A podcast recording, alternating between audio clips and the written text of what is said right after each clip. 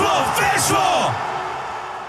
Kamil Gapiński, dzień dobry. Witam Was bardzo serdecznie. Zapraszam na taką przedolimpijską rozmowę, moi drodzy, gdyż igrzyska zimowe za pasem, a my mamy ochotę na naszej antenie pogadać z kandydatami, kandydatkami do medalu, a takowych wcale tak wielu nie mamy w tym momencie. No, chociaż może nas te igrzyska zaskoczą i medali będzie e, dużo, ale ciężko w to uwierzyć. W każdym razie, już zostawiając tę przedługą dygresję, jest z nami Angelika Wójcik, nasza fantastyczna dziewczyna, która dała popis w zeszłym roku na dystansie 500 metrów w łyżwiarstwie szybkim, wygrywając Puchar Świata w Salt Lake City. Witam cię bardzo gorąco.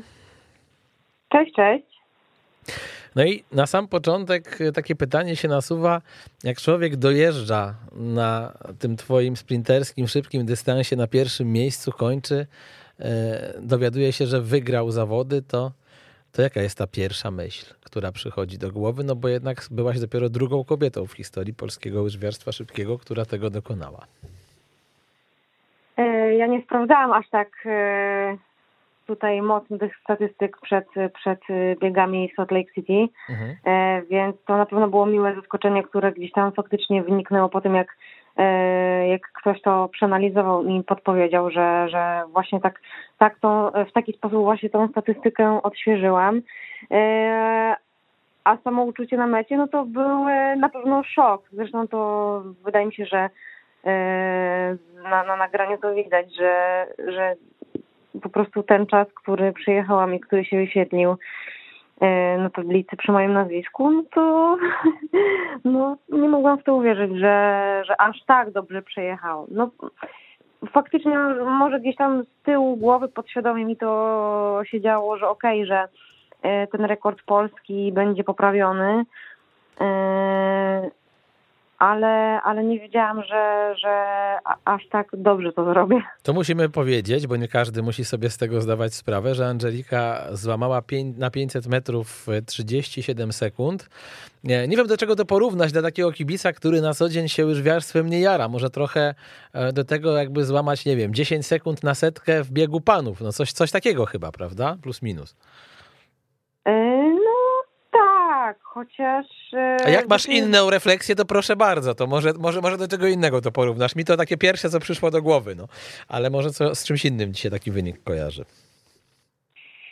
To znaczy, no tutaj ciężko nawet znaleźć mi porównanie, e, ale faktycznie, no tutaj nawet e, ta statystyka taka podpowiadała, że no no teraz e, ch- chyba od tego czasu e, nie było szybszych czasów, musiałam to sprawdzić, no ale było to około piątego czy szóstego czasu w ogóle w historii kobiet na, e, pięć, e, na 500 metrów, więc e, no, no wydaje mi się, że, że ten Nawet coś jest- więcej niż złamać 10 sekund u panów. No tak, to prawda. A powiedz, Tak, tak, to na pewno. rozładował się telefon trzy godziny po starcie, jak już e, rozgrzał się do... Albo nie wybuchła bateria po, po takim starcie? Jak to, jak to wyglądało? Bo podejrzewam, że, że pewnie nigdy tylu gratulacji w życiu nie przyjęłaś, co, co po tym wyścigu. E, No właśnie tak. Dla mnie to nie ukrywam, ja zazwyczaj e, no to są bardzo miłe wiadomości, ale ja to po prostu biorę jako dodatkowy obowiązek, że jednak trzeba e, odczytać, odpisać, podziękować i tak dalej. Ale że był to mój drugi dzień zawodów i potem już miałam dzień wolny, no to tak naprawdę już spijałam śmietankę Hmm. i cieszyłam się po prostu z najbliższymi, że e, no, że, że po prostu, że był taki rozgłos e, i że osiągnęłam taki sukces. No wiesz, mogłaś wpisać swoje nazwisko i imię w przeglądarkę w Google i to zalewało wtedy, pamiętam, bo sam z ciekawości wpisałem, żeby, wiesz, poczytać trochę o twoim sukcesie na początku grudnia i po prostu nagle wyskoczyło 50 tekstów. E, No tak, dlatego ja się bardzo cieszę, że dokładam jakąś cegiełkę jednak mimo wszystko, żeby to nasze łyżwiarstwo tutaj bardziej spopularyzować, bo e, no nie ukrywajmy, jest to na pewno niszowy sport w porównaniu chociażby do, do takiego kraju, jakim jest Holandia, gdzie na pewno piłka nożna ma bardzo wysokie miejsce, ale zaraz potem znajdzie się łyżwiarstwo szybkie. Mhm. A dlaczego twoim zdaniem, ja zadałem też te pytanie kilka tygodni temu twojej dobrej koleżance i takiej pewnie trochę mentorce Natalii Czerwonce, O, czuję jak, rym, czuję jak rymuje, proszę. W każdym razie, w każdym razie e, pytałem też o to Natalię, dlaczego nie przyjęło się łyżwiarstwo szybkie w Polsce po Igrzyskach Olimpijskich w Soczi. Znaczy nie przyjęło się, wiesz, nie zapanowała taka moda. Trochę jak na skoki, trochę jak na e, czasy Justyny Kowalczyk, gdy oglądaliśmy jej biegi przez lata, no bo umówmy się, po pierwsze były to świetne wyniki, a po drugie, mhm. no łatwiej jednak założyć łyżwy i pojeździć e, po lodowisku niż e, skoczyć ze skoczni mamusiej na przykład w planicy, nie? Więc z czego to twoim zdaniem wynikało? E, no dokładnie. Ja, ja, tak naprawdę nie wiem, ile tutaj czynników wziąć pod uwagę, bo na pewno od tego zależy e, też sama medialność sportu, e, czy po prostu może taka atmosfera, jaka istnieje na, na obiektach. No nie ukrywajmy, dużo Polaków na pewno jakoś więcej ma zabawy przy, przy oglądaniu skoków, czy to chociażby z transmisji w telewizji, czy chociażby już będąc właśnie na samych skoczniach. Po prostu jest jakiś taki specyficzny klimat, a nawet jak już tutaj się zagłębić w samo łyżwiarstwo szybkie, które po prostu e, tutaj gdzieś e, ma widełki, które dzielą je na tor długi i krótki, no to szczerze powiedziawszy, wydaje mi się nawet, że ten tor krótki jest jakiś, jakoś bardziej widowiskowy i po prostu y, tam się więcej dzieje. Y, jednak taka jakaś y, bezpośrednia rywalizacja y, w grupie, gdzie, gdzie jest warta, y, przepraszam, walka o, o y, najwyższe lokaty, czy właśnie takie jakieś kwalifikacje, no to, to, to jest bardzo widowiskowe. Mhm. Ja w ogóle mam taką teorię, ostatnio sobie, słuchaj, wymyśliłem, jak tak siedziałem, siedziałem, miałem za dużo czasu i myślałem, że nam jest trochę nie po drodze z łyżwami jako Polakom. W tym sensie, że mm, ani w hokeju przez jakieś długie lata nie byliśmy dobrzy e, i też nie, nie pokochaliśmy tego hokeja jakoś wybitnie, choć nam się zdarzały tam zwycięstwa ze Związkiem Radzieckim e, i inne pojedyncze dobre wyniki. Czy mieliśmy Mariusza Czerkaskiego, do którego wiele kobiet wzdycha, mhm. wzdychało, no ale jednak to był nasz jeden z jedynaków w NHL, tam obok Krzysztofa Oliwy.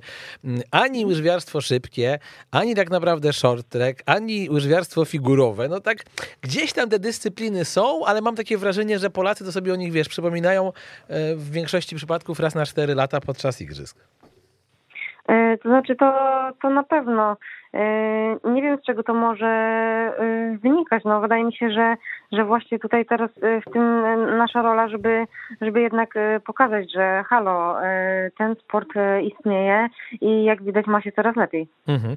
No mi się też wydaje, że przy twoim akurat dystansie to fajne jest to, że jest to bardzo taki medialny dystans. Nie wiem, czy mogę tak powiedzieć. No jak ktoś chciałby się spróbować zakochać w łyżwiarstwie szybkim i chciałby ten sport poznać, to podejrzewam, że więcej emocji poczuje oglądając wyścig na 500 metrów niż na 10 tysięcy metrów. No bo jednak u ciebie mhm. od początku do końca jest ogień.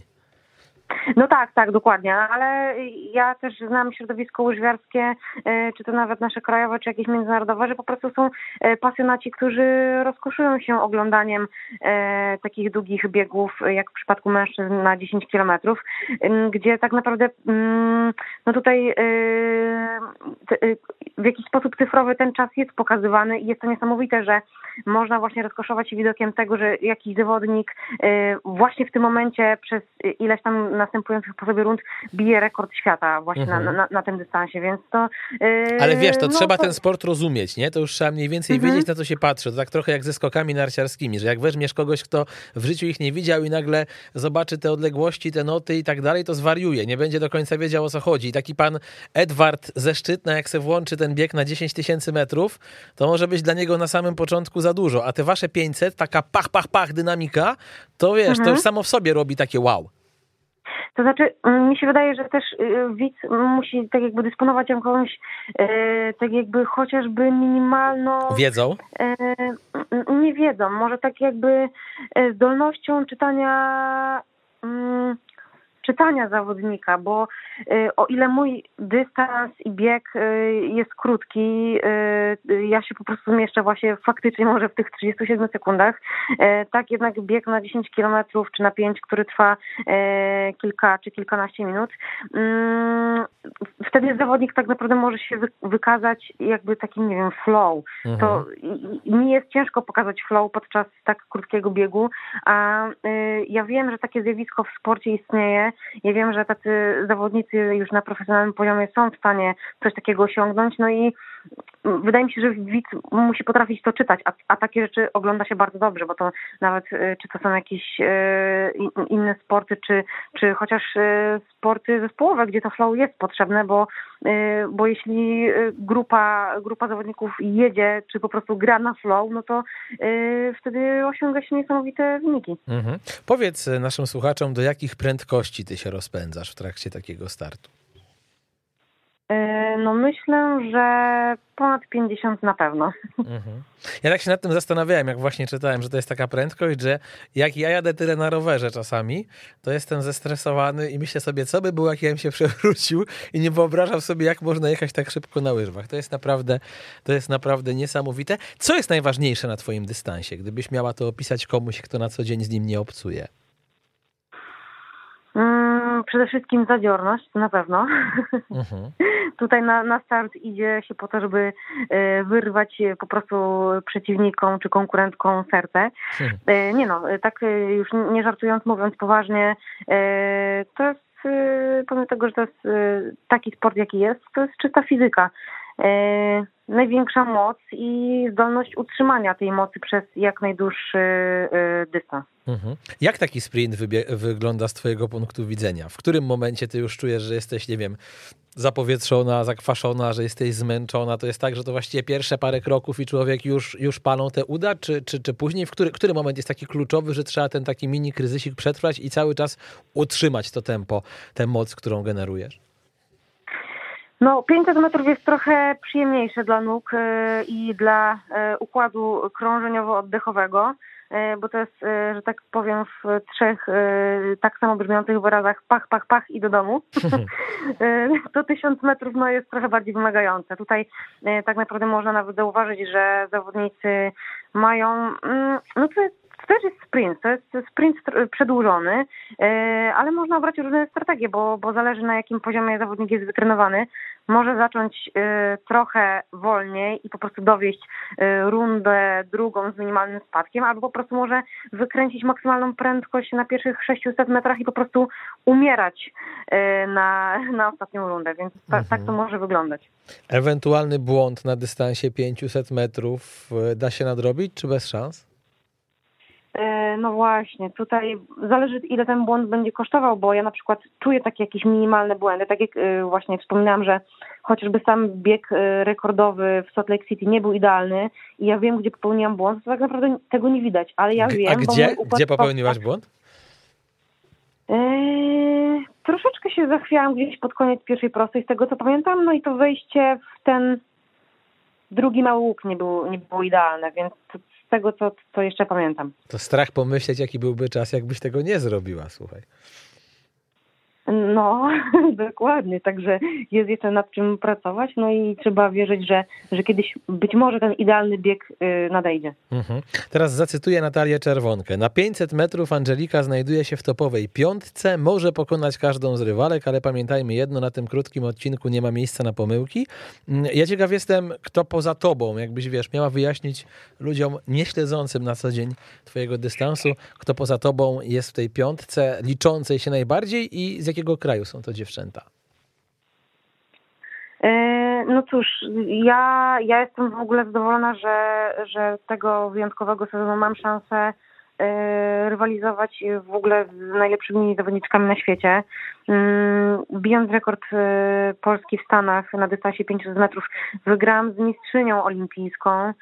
E, co, coraz bliżej mi do, do rekordu świata i nie ukrywam, jest to poniekąd moje marzenie na przyszłe sezony, bo e, na razie e, bardzo dobrze się zagościłam w tym sporcie i, i widzę siebie właśnie na, na przyszłe sezony, żeby rywalizować również.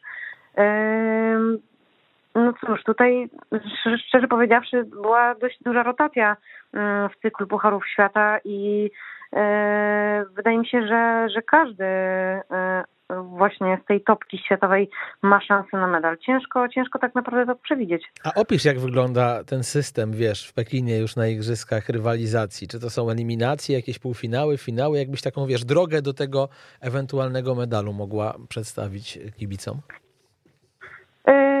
W przypadku dystansu 500 metrów, y, no tutaj y, są to, nie wiem czy drugie igrzyska z kolei, gdzie nie ma drugiego biegu na 500 metrów, więc pierwszy bieg jest tak naprawdę biegiem finałowym. Mhm. Czyli od samego początku po prostu ogień i, i lecisz? I ile zawodniczek jest zakwalifikowanych do, do, tego, do tego dystansu? Nie sprawdzałam dokładnie, bo wiem, że się zmieściłam i więc nie wiem, czy to jest e, około 32 czy 36 zawodniczek, tak jak zazwyczaj to było. I z tego co wiem, to na pewno im krótszy, e, przepraszam, im dłuższy dystans e, w, tutaj na torze długim, to, to tym, tych zawodników jest mniej. Mhm. I to jest tak, że ty, bo, czyli wy startujecie we dwie i tych duetów będzie powiedzmy, nie wiem, tam 18 i na koniec E, ten, kto jest najszybszy, zdobywa złoto, tak? Dobrze kombinuję, czy, czy jakoś inaczej to Tak, wygląda? tak, dokładnie. Mhm.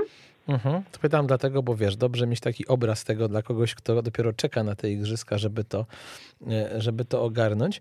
E, co mnie, moi drodzy, zastanowiło, gdy się przygotowywałem do tego wywiadu, to fakt, że Angelika jako bardzo młoda dziewczyna, znaczy cały czas jest bardzo młodą dziewczyną, ale 4 lata temu siłą rzeczy była jeszcze młodsza, w październiku 2018 roku mówiła w wywiadzie dla Polskiego Związku Łyżwiarstwa Szybkiego, że nieśmiało marzyła o Pjongczang, natomiast nie chciała tam jechać po jakieś ostatnie miejsca, bo jakby już jechać na igrzyska, to po medal. I to było takie coś, co powiem ci, bardzo mi się spodobało, że że będąc jeszcze takim sportowym e, podlotkiem, który dopiero stawia te pierwsze kroki w seniorach, już się nie bałaś mówić o swoich marzeniach. Jakbyś się do tej, do tej rozmowy po latach odniosła? Mm, no właśnie, z tego też co pamiętam, y, w takich y, latach y, młodozawodniczych za, za dziecka, jeszcze w ogóle tak właśnie nawet trener z Lubina, jeden z moich pierwszych zadał mi pytanie, czy ja w ogóle widzę siebie kiedyś na igrzyskach. Ja mówię, nie no jak, no przecież to niemożliwe, chociaż Chociaż tak naprawdę wiadomo, że to jest y, spełnienie marzeń każdego sportowca. Nie, ja, ja do tej pory nie rozumiem, dlaczego ja w tak skromny sposób podchodziłam do tego, że, że było wtedy właśnie z perspektywy czasu dla mnie to jest nawet niemożliwe, że ja na tych igrzyskach wystartuję. Y, no jak widać, y, te możliwości są, a teraz mam nawet bardzo duże szanse na medal, więc całkowicie ta gra się odwróciła. I no, nie przybliżałam się do tego jakoś tak mocno e, właśnie z perspektywy chociaż ostatnich czterech lat. Tak naprawdę dopiero tego sezonu przygotowawczego uwierzyłam, bo poczułam po prostu w sobie taką siłę, że ja jednak o ten medal Igrzysk Olimpijskich mogę zawalczyć. A na czym ten przełom polega? To znaczy, że ty poszłaś do przodu od strony czysto sportowej, coś zmieniliście w treningu, dojrzałaś, nie wiem, mentalnie się rozwinęłaś? Jakbyś teraz miała z perspektywy paru miesięcy tych przygotowań do tego sezonu powiedzieć, to skąd ten progres? E, myślę, że po trochu z każdego. Mhm. Tak naprawdę. Okej, okay. a zmieniłaś coś w swoich przygotowaniach, tak rok do roku, czy, czy, czy nie? Wydaje mi się, ja, ja jednak tak jakoś wewnętrznie czuję, że po prostu mój organizm stał się silniejszy. Mhm. Poprawiałam kilka takich, e, no jak wiadomo, łyżwiarstwo szybkie jest taką jakby, e, jest sportem takim wielodziedzinowym, więc tutaj można się rozwijać na każdym poziomie i wydaje mi się, że po prostu wszystkie te parametry, które składają się akurat na wynik końcowy, czyli moc, wytrzymałość, szybkość, nie wiem, chociażby nawet elastyczność czy umiejętność e, tutaj podejmowania jakichś decyzji e, treningowych i dobierania obciążeń, bo to też jest dla mnie kluczowe. Ja tak jak powtarzam, ja jestem zwolennikiem trenowania ciężko, ale przede wszystkim mądrze, czyli mhm. Ja, ja już czuję, kiedy zajeżdżam swój organizm i powiem sobie stop, okej, okay, dobra, już z tego nic nie ugram dalej, więc, więc dalej w to nie idę. No tak jak mówię, no wydaje mi się, że po prostu wszystkie te poziomy jakoś mocno, mocno się podniosły i dlatego one składają się na tak dobry wynik. Mhm. A jak wygląda twoja współpraca z trenerem? W momencie, gdy ty mówisz właśnie, e, ja już czuję, że to jest ten moment, że tu nic więcej nie da do kręcenia śruby, to, to jest tak, że jakby trener rozumie, że ty na tyle znasz swój organizm, że też mówi stop, czy jeszcze cię próbuje namówić, a Angelika, jeszcze tam 2%, to dajmy coś ekstra, jak, jak to jest? E, no właśnie, to jest bardzo, bardzo śliska hmm. granica pomiędzy tym, że zawodnik może wpaść w jakieś delikatne przemęczenie, z którego trzeba będzie po prostu długo się leczyć. Może czasem krócej, jeśli organizm jest silny i zdolny do tego, żeby się zregenerować z ciężkich obciążeń. Ale ja sobie daję taką furtkę bezpieczeństwa na pewno yy, ona jest szerzej otwarta w sezonie startowym, czyli o ile ja bardzo lubię ciężką pracę i yy, skupiam się w, w sezonie przygotowawczym, żeby po prostu zrobić jak największą objętość i zbudować tą moc czy wytrzymałość, to tak w sezonie startowym już bardzo mocno, znaczy ba, bacznie obserwuję swój organizm i, i dobieram te, te jednostki, strategiczne jednostki treningowe, czyli takie, które mają po prostu, no nie oszukujmy się, zniszczyć mnie, ale po prostu przygotować mnie pod ciężkie biegi i, i pomóc wypracować dyspozycję na nadchodzące zawody. Mhm. Są takie sporty, w których się trochę liczy tak zwany trash talking, nie? Czyli gdzieś tam, nie wiem, siatkarze pod siatką sobie pogadają, tutaj ktoś komuś coś pokaże, stara się rywala wyprowadzić z równowagi. Jest taka psychologiczna walka. Czy, czy jak ty stajesz obok jakiejś dziewczyny, która jest na twoim poziomie, albo jest trochę lepsza teoretycznie, albo trochę gorsza, to, to też gdzieś tam są jakieś, wiesz, spojrzenia, szepty, czy, czy to jest taki sport, w którym tego nie ma zupełnie? No nie ukrywajmy jednak, y, no jest to bezpośrednia walka, więc może tutaj mieć znaczenie, y, jeśli ja miałabym walczyć o medal olimpijski z y, dziewczyną, z kobietą, która już taki, taki krążek sobie wywalczyła na poprzednich igrzyskach, no myślę, że pośrednio jakoś wpływa to jednak na tą e, psychikę e, na starcie. No jednak mm, ja chciałabym gdzieś tutaj praktykować taką myśl e, w sobie jako zawodniku, żeby, żeby ten bieg jednak był niezależny od tego, z kim stoję na starcie, czy chociażby nawet niezależne, niezależny bieg, pomimo tego, jakie losowanie no właśnie, bo to chodzi o to, to mnie mhm. też ciekawi, że to jest tak, Angelika, że wy was puszczają, nie wiem, tak jak jest E, właśnie, nie wiem, w narciarstwie, że od ostatniego w niektórych zawodach, że wiesz, że tam od 50 miejsca w Pucharze Świata wyżej, czy, czy jest tylko losowanie, czy na jakiej zasadzie wy będziecie w te duety dobrane? E, no dokładnie nie wiem, jaki jest system, to znaczy e, zazwyczaj proszę trenera e, o to, żeby mi to e, obliczył na przykład, bo, bo na podstawie czasów czy osiągniętych miejsc można obliczyć też nawet jaki, jaki będzie tor na kolejnych startach, nawet na Pucharze Świata czy, mhm. czy innych, ale no ja jeszcze na razie nie, nie sprawdzałam aż tak gruntownie listy, żeby gdzieś tutaj przewidywać jak się znajdę w, na, na liście startowej na Igrzyskach. Mhm. E, no myślimy o tych igrzyskach bardzo mocno, bo Pekin jednak zbliża się mm, e, du, dużymi krokami. Wiecie już, jaki tam będziecie miały lód? No bo musicie, moi drodzy, wiedzieć, że różnie z tymi lodami bywa. Niektóre tafle są szybkie, niektóre są mniej szybkie. E, ta w Salt Lake City chyba jest bardzo szybka, gdzie Angelice poszło tak znakomicie. A czy są jakieś przecieki odnośnie Pekinu? Była próba przedolimpijska, ale była w bardzo mocno okrojonym składzie, mianowicie z tego co pamiętam, to gdzieś tam do mediów podano, że mm, startowało kilku e, zawodników, oczywiście nie z najwyższej półki e, holenderskich i, i e, gospodarzy, no ale na podstawie tak jakby niekompletnych wyników, czy po prostu e, no właśnie tak okrojonego składu ciężko wywnioskować, jaki, jaki będzie ten lód na, na igrzyskach. Także mhm. no tak czy inaczej wszyscy po prostu, jeśli tam przyjdziemy, będziemy mieć e, takie same warunki i no nie ma tutaj co kalkulować. Jeśli lód będzie słaby, to trzeba sobie powiedzieć w głowie, to tylko opór. No tak, no i też będzie słaby dla wszystkich. E, od zawsze chciałaś trenować ten sport, czy to był przypadek? Pytam dlatego, bo Natalia mi opowiadała, mówię oczywiście o Natalii Czerwonce, że ona jednak marzyła o lekkiej atletyce, ale została niejako tak trochę przydzielona w Lubinie do, do łyżwiarstwa szybkiego i się okazało, że to był jednak dobry pomysł. Jak to było z tobą? E, no to u mnie bardzo podobnie. E, ja też jako mm, zawodnik bardzo młody, znaczy zawodnik. No nie oszukujmy się, ja w szkole sportowej zaczynałam e, od klasy podstawowej, która była de facto taką e, klasą rozwojową sportowo, więc ja tutaj tak naprawdę próbowałam wielu sportów i poniekąd była to lekkoatletyka. Startowałam nawet na, na zawodach jakichś lokalnych, no jednak mimo wszystko zauważyło o tym, że, że startując, biorąc udział w zawodach y, szukamy talentów. Y, takie zawody wygrałam i y, wydaje mi się, że po tym stwierdziłam, y, że, że ten sport będę trenować. Poniekąd też może płynęło na to jakaś podpowiedź ze strony najbliższych, czy nawet ze strony um, wychowawczyni w szkole, która podpowiedziała, że Anglika może faktycznie jednak spróbuj to łyżwiarstwo. No i tak, tak, tak Mhm. właśnie A lekkoatletyka to też były sprinty, nie wiem, 100 czy 200 metrów, czy, czy coś innego? Nie, z tego co pamiętam, to brałam udział w przełajach, e, gdzie mm, biegło się na e, półtora kilometra lub e, gdzieś na tartanie, gdzie biegło się e, 800 metrów. Mhm. A jakie są twoje pierwsze łyżwiarskie wspomnienia sprzed telewizora jako dziecka? Coś kojarzysz z tych dawnych lat? Nie, nie oglądałam. Kompletnie, kompletnie się nie interesowałam i już po prostu e, trenując ten sport, e, gdzieś tam od początku dopiero zaczynałam się zagłębiać.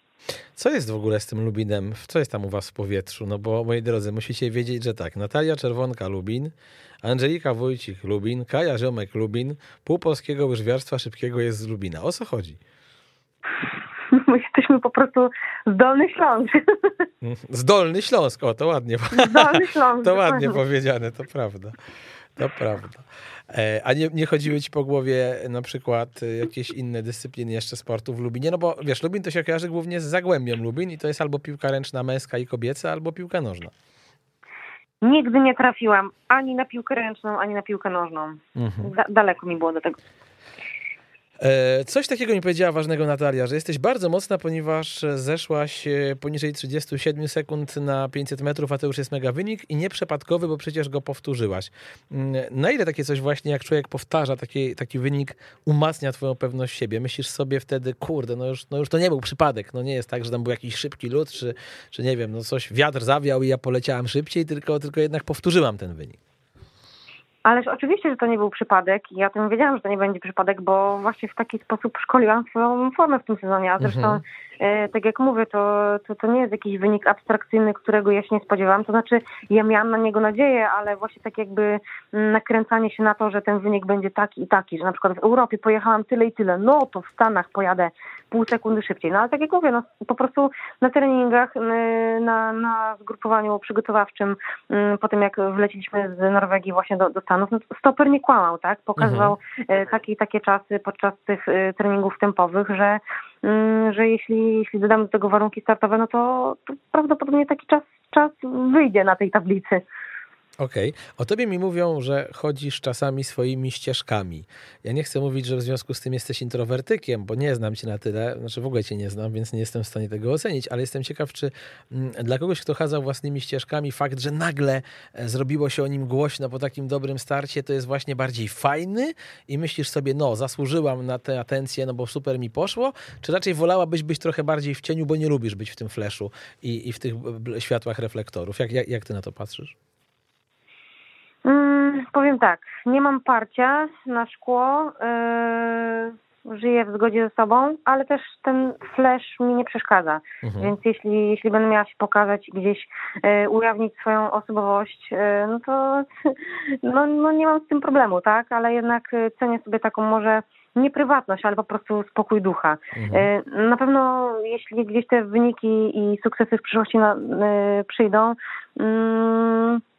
okej, no ujawnię się temu światu, ale, ale na, pewno, na pewno nie będzie to dla mnie priorytetem, żeby, żeby gdzieś tam kreować swój wizerunek, bo ja, ja wiem, jaki jest mój wizerunek i ja jestem pewna swojej osoby, więc nikomu tak naprawdę niczego nie muszę e, udowadniać. Ja, ja jestem taka, cenię, właśnie cenię sobie spokój, bardzo lubię spędzać czas sama ze sobą, ale dla mnie tak naprawdę te granice pomiędzy osobowością e, introwertyczną czy ekstrawertyczną są zatarte, bo to ja lubię, ja po prostu sama odpoczywam, tak? Ja nie odpoczywam w gronie wielu osób, bo po prostu to męczy mój układ nerwowy i Mhm. ja jestem, Nata- Natalia na pewno by to potwierdziła, że jestem e, takim typem osoby, że siedząc gdzieś tam w gronie, ja bardziej chętnie będę słuchać niż mówić. Mhm.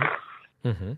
E, Na co dzień zakładam częściej srebro niż złoto. Raczej gasi i równoważy koloryt skóry. Jeżeli zdobyłabym medal na igrzyskach, to bardziej bym się cieszyła ze srebra niż ze złota, bo będzie mi pasowało do urody. To jest cytat z Angeliki. Jak byś się do niego odniosła? Nie, no to jest jakaś abstrakcja w ogóle. Oczywiście, że złoto, złoto się bardziej ceni jednak. Czyli zmieniłaś zdanie, już rozumiem, tak? Tak, zmieniłam. No to ja mówię, tak do mediów y, to tak naprawdę można e, no nie mówić co się chce, tak? Ja nie chcę tutaj e, okłamywać moich wiernych Aha. kibiców, ale mm, wydaje mi się jednak, że, że od dłuższego czasu jednak wizualizuję to, to złoto niż srebro. Oj, to jest, e, no fajna byłaby to świetna historia, mm, szczególnie, że no nie ma zbyt wielu powodów do optymizmu, tak już nawet nie za 5-12, tylko za 2-12 przed igrzyskami, bo wszyscy wiemy, że skoczkom idzie jak na razie średnio i też się gdzieś tam koronawirus wdał, więc tych nadziei takich medalowych to my za dużo nie mamy.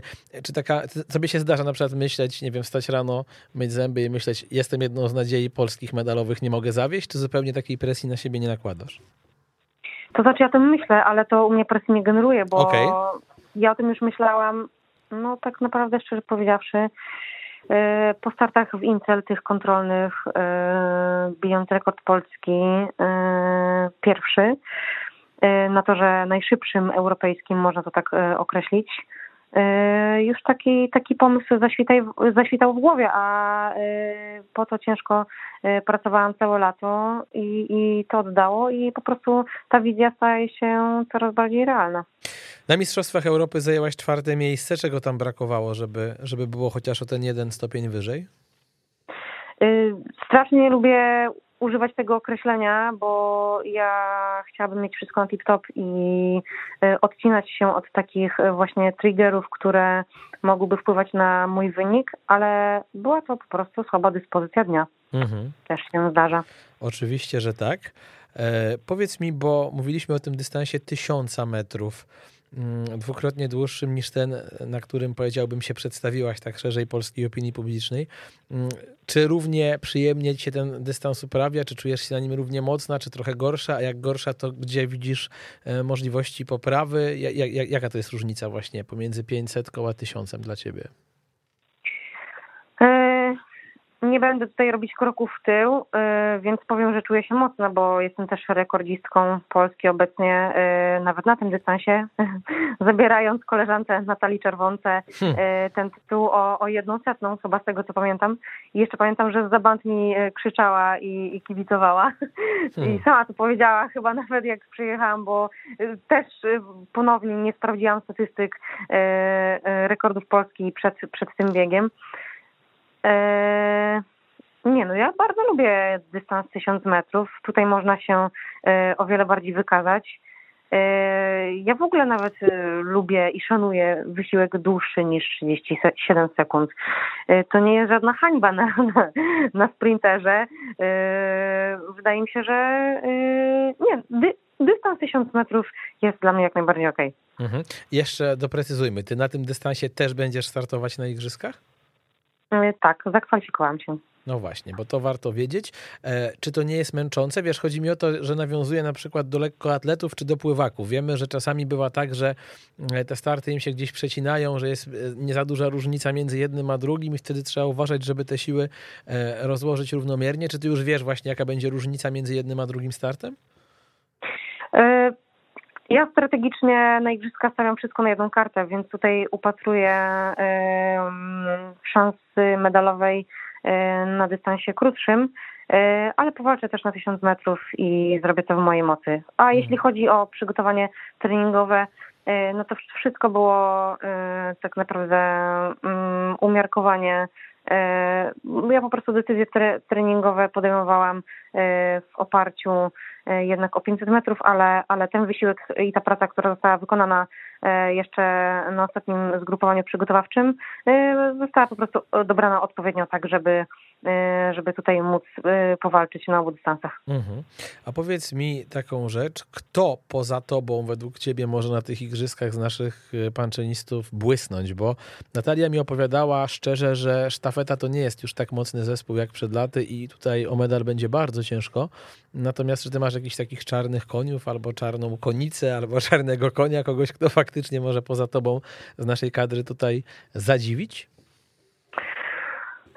No kurczę, no byłabym niefajną koleżanką, gdybym trzymała kciuki tylko za jakieś e, swoje osoby, więc ja naprawdę trzymam kciuki za, za całą naszą reprezentację. E, ja po prostu e, ja nie jestem ślepa, ja widzę ile, ile po prostu, jak osoby z naszej ekipy ciężko pracowały przez całe lato, czy, czy też w sezonie startowym, więc no tak naprawdę ka każdy z nas ma szansę powalczyć o, o y, najwyższe lokaty i ja całym sercem i y, trzymam kciuki po prostu za, za naszą reprezentację. Jakie są plusy bycia łyżwiarzem szybkim, a jakie są minusy twojego zawodu? Ojej. Mm, nie skupiam się na tym y, za bardzo. Na razie mam zbyt duży fan, żeby gdzieś tutaj to rozgraniczać i na przykład sobie myśleć, a no bo jakbym trenowała inny sport, taki bardziej medialny, to bym zarabiała pewnie więcej pieniędzy. Dlaczego w sumie nie? Albo nie wiem, marnuję swoje ambicje, a może mhm. powinnam założyć jakąś firmę i na tym y, i, i to by spowodowało, że, że bardziej się tutaj ustatkuję w życiu. Y, no nie wiem, dla, dla niektórych osób może być męczące podróżowanie, a ja akurat bardzo lubię się przemieszczać. Nie chcę tego nazwać wygodnym życiem, ale jednak cieszy perspektywa, że jak się jest na zgrupowaniach, niektórzy zawodnicy nawet y, bardziej odpoczywają, będąc y, poza domem i y, gdzieś tutaj nie muszą aż tak mocno skupiać się na swoich życiowych obowiązkach, bo tak naprawdę wracają po treningu i mają już naszykowane jedzenie, czy mogą właśnie skupić się na odpoczynku i na, na pracy na kolejnym treningu. No nie wiem, ciężko, ciężko to zmienić, bo mm, to zawodnik to gdzieś tutaj te, te, te poglądy się trochę różnią, no, na, na pewno się różnią, więc ja cieszę się, że, że sport mnie rozwija. Nie, nie, nie widzę tutaj jakichś większych minusów, czy, czy właśnie Fajne jest to, że mówisz o, tym, mówisz o tym jako nawet nie o pracy, tylko o pasji. Ja, jest dużo takich e, powiedziałbym historii ludzi będących często na świecie milionerami, mhm. którzy podkreślają, jak czyta się ich biografię, że jakby nie myśleli o tym, że zarobią pieniądze, tylko te pieniądze, które kiedyś do nich przyszły, były konsekwencją ich pasji. I tak no, jak ciebie słucham, to, to jest dużo pracy. pasji w tym, mhm. co mówisz. Tak, dokładnie. Tym bardziej, no ja, ja lubię pracować. Ja po prostu tutaj yy, wracając myślami w lato, mhm. Y, jak, jak trenowałam, y, sama większość y, czasu przetrenowałam poza zgrupowaniami oczywiście kadrowymi sama w Warszawie. Ja bardzo mi, miło wspominam ten okres. Ja po prostu uwielbiam lato, wyjechać sobie na rower, albo nie wiem, nawet yy, tak samo jak już sobie ustaliłam, że, że po tym sezonie będę chciała popróbować innych sportów, a mianowicie będę chciała sobie pograć w tenisa na przykład. Yy, to samo miało miejsce właśnie w poprzednim sezonie, że nawet znalazłam czas na, na takie jakieś sporty dorywcze tak zwane. No, ja, ja lubię pracować, więc mi, mi sprawia to przyjemność trenowanie sprawia po prostu mi przyjemność. Mhm. E, przyjemność sprawiają ci też podróże, taki fragment z jednej z rozmów z tobą. Interesuje mhm. mnie Bliski Wschód, a szczególnie jego peryferia. Chciałabym zobaczyć, jak żyją ludzie na wioskach. Jakbyś mogła trochę rozwinąć ten, e, te zdanie. E, no dokładnie, to znaczy nie ukrywam jednak, e, jeśli e, będę chciała odpocząć po igrzyskach i potem, no, nie oszukujmy się, wymagającym sezonie startowym, no to na pewno upatruję jakichś turystycznych kurortów na wyspach, czy po prostu tam, gdzie będzie słońce, piach i morze. Ale prawda jest taka, że odwiedzając takie peryferia, czy takie właśnie jakby nietuzinkowe y, miejsca na świecie, y, człowiek wracając na swoje stare śmieci po prostu odczuwa szczęście, bo y, po prostu wtedy docenia, że ma tak naprawdę w życiu bardzo dużo. A po podróży dokąd, jak wróciłaś do Polski, to takie właśnie miałaś przemyślenie? Jaki kraj taki pierwszy ci przychodzi na myśl? E, taki, gdzie będę mogła na peryferia, czy taki, Nie, taki, że jak wróciłaś do Polski, to pomyślałaś, ale mi tutaj dobrze, nie mam co narzekać. Hmm. No szczerze powiedziawszy, to nie jestem w stanie teraz. Okej. Okay. A taki e, kraj, który najmilej tak. wspominasz ze swoich podróży, który, w którym od razu poczułaś, nie wiem, że mentalność, kultura, sposób bycia ludzi ci pasuje i że w sumie to tak mógłby być taki rezerwowy kraj, gdybyś nie mieszkała w Polsce, to byś mieszkała tam? Masz taki? no szczerze powiedziawszy, pomiędzy e, wschodem e, a zachodem są e, bardzo duże różnice. Właśnie na przykład Kazachstan podobał mi się z tego powodu, jak byłam w Omatach, akurat tam startowałam na uniwersjadzie piękność krajobrazów i dzikość, a jednak urzekła mnie też wielkość e, Stanów Zjednoczonych i to, że wszystko tam jest duże i takie jakby perspektywiczne, więc no ciężko, ciężko określić. Ja jak na razie e, bardzo dobrze się czuję jako obywatel e, mojego ukochanego kraju, czyli Polski i na razie nie, nie zamierzam się stąd ruszać. Mhm. E, powiedziała mi Natalia, że ty masz gdzieś opinie innych i umiesz się od nich odciąć. Jakbyś trochę to rozwinęła, bo to jest akurat uważam, że dobra cecha dla sportowca, że że po nim spływa. Tak, ale tego trzeba się nauczyć. E, nie będę tutaj ukrywać. Ja wiem, wiem jak wygląda gra społeczna. E, ja takiej gry za młodych lat się nie nauczyłam i wiele rzeczy brałam do siebie.